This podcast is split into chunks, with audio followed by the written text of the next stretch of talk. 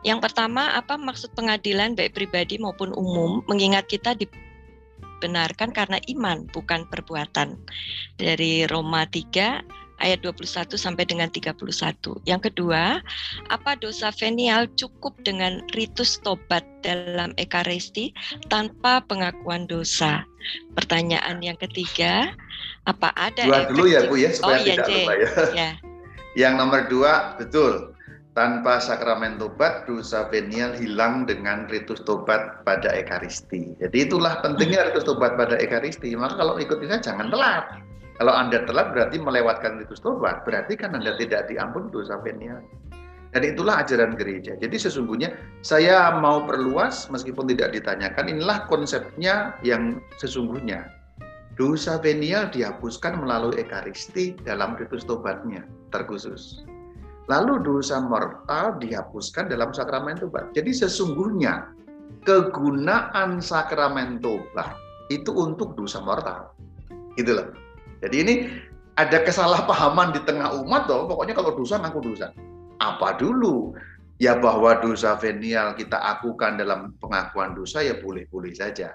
Tapi paham intinya sesungguhnya adalah kegunaannya beda-beda. Ekaristi menghapuskan dosa venial, sakramen tobat menghapuskan dosa mortal. Jadi kalau tadi pertanyaannya, apakah dosa venial cukup dengan ekaristi dalam ritus tobat? Ya, begitulah adanya.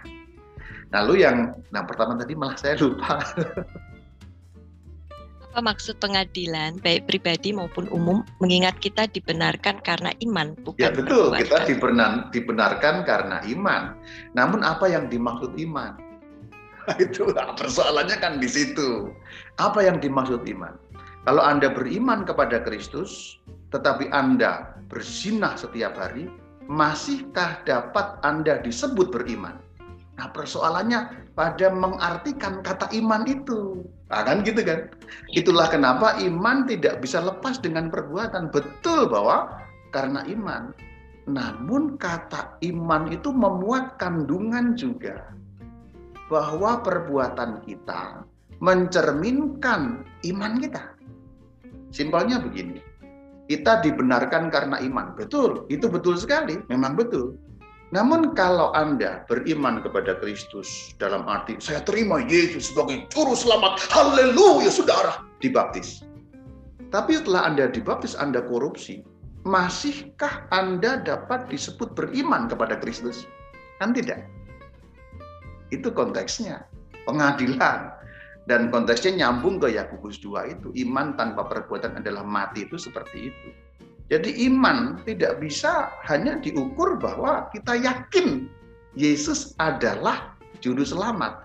Itu hanya pengetahuan. Setan juga yakin. Nah gitu loh. Hmm. Setan yakin nggak Yesus juru selamat? Setan yakin Yesus juru selamat tapi dia tidak mengikuti dalam perbuatannya kehendak Kristus. Jadi kalau Anda mengartikan iman hanya sekedar percaya, yakin bahwa Yesus juru selamat, yaitu cuma setara sama setan kan? Karena setan juga percaya Yesus itu juru selamat. Aku tahu siapa engkau yang kudus dari Allah. Kalau ketemu kan seperti itu. Perbedaannya, manusia yakin lalu melakukan kehendak Kristus, setan yakin tapi tidak melakukannya. Jadi pengartian kata iman itu yang menjadi masalah. Memang kadang-kadang orang Katolik keracunan sekte-sekte di luar Katolik yang yang mengatakan, saudara, yang penting itu percaya, yakin, percaya engkau akan diselamatkan saudara apa pun perbuatanmu. Karena sesungguhnya tidak demikian. Begitu perbuatan Anda melawan apa yang Kristus katakan, di detik itu juga Anda bisa dikatakan tidak lagi beriman loh. Simpelnya, Anda dibaptis, besoknya Anda okultisme. Saya tanya, masih dapatkah orang seperti itu disebut beriman? Tidak. Ah, itu jawabannya. Jadi persoalannya ada pada kata iman yang perlu kita artikan dengan sungguh-sungguh. Gitu.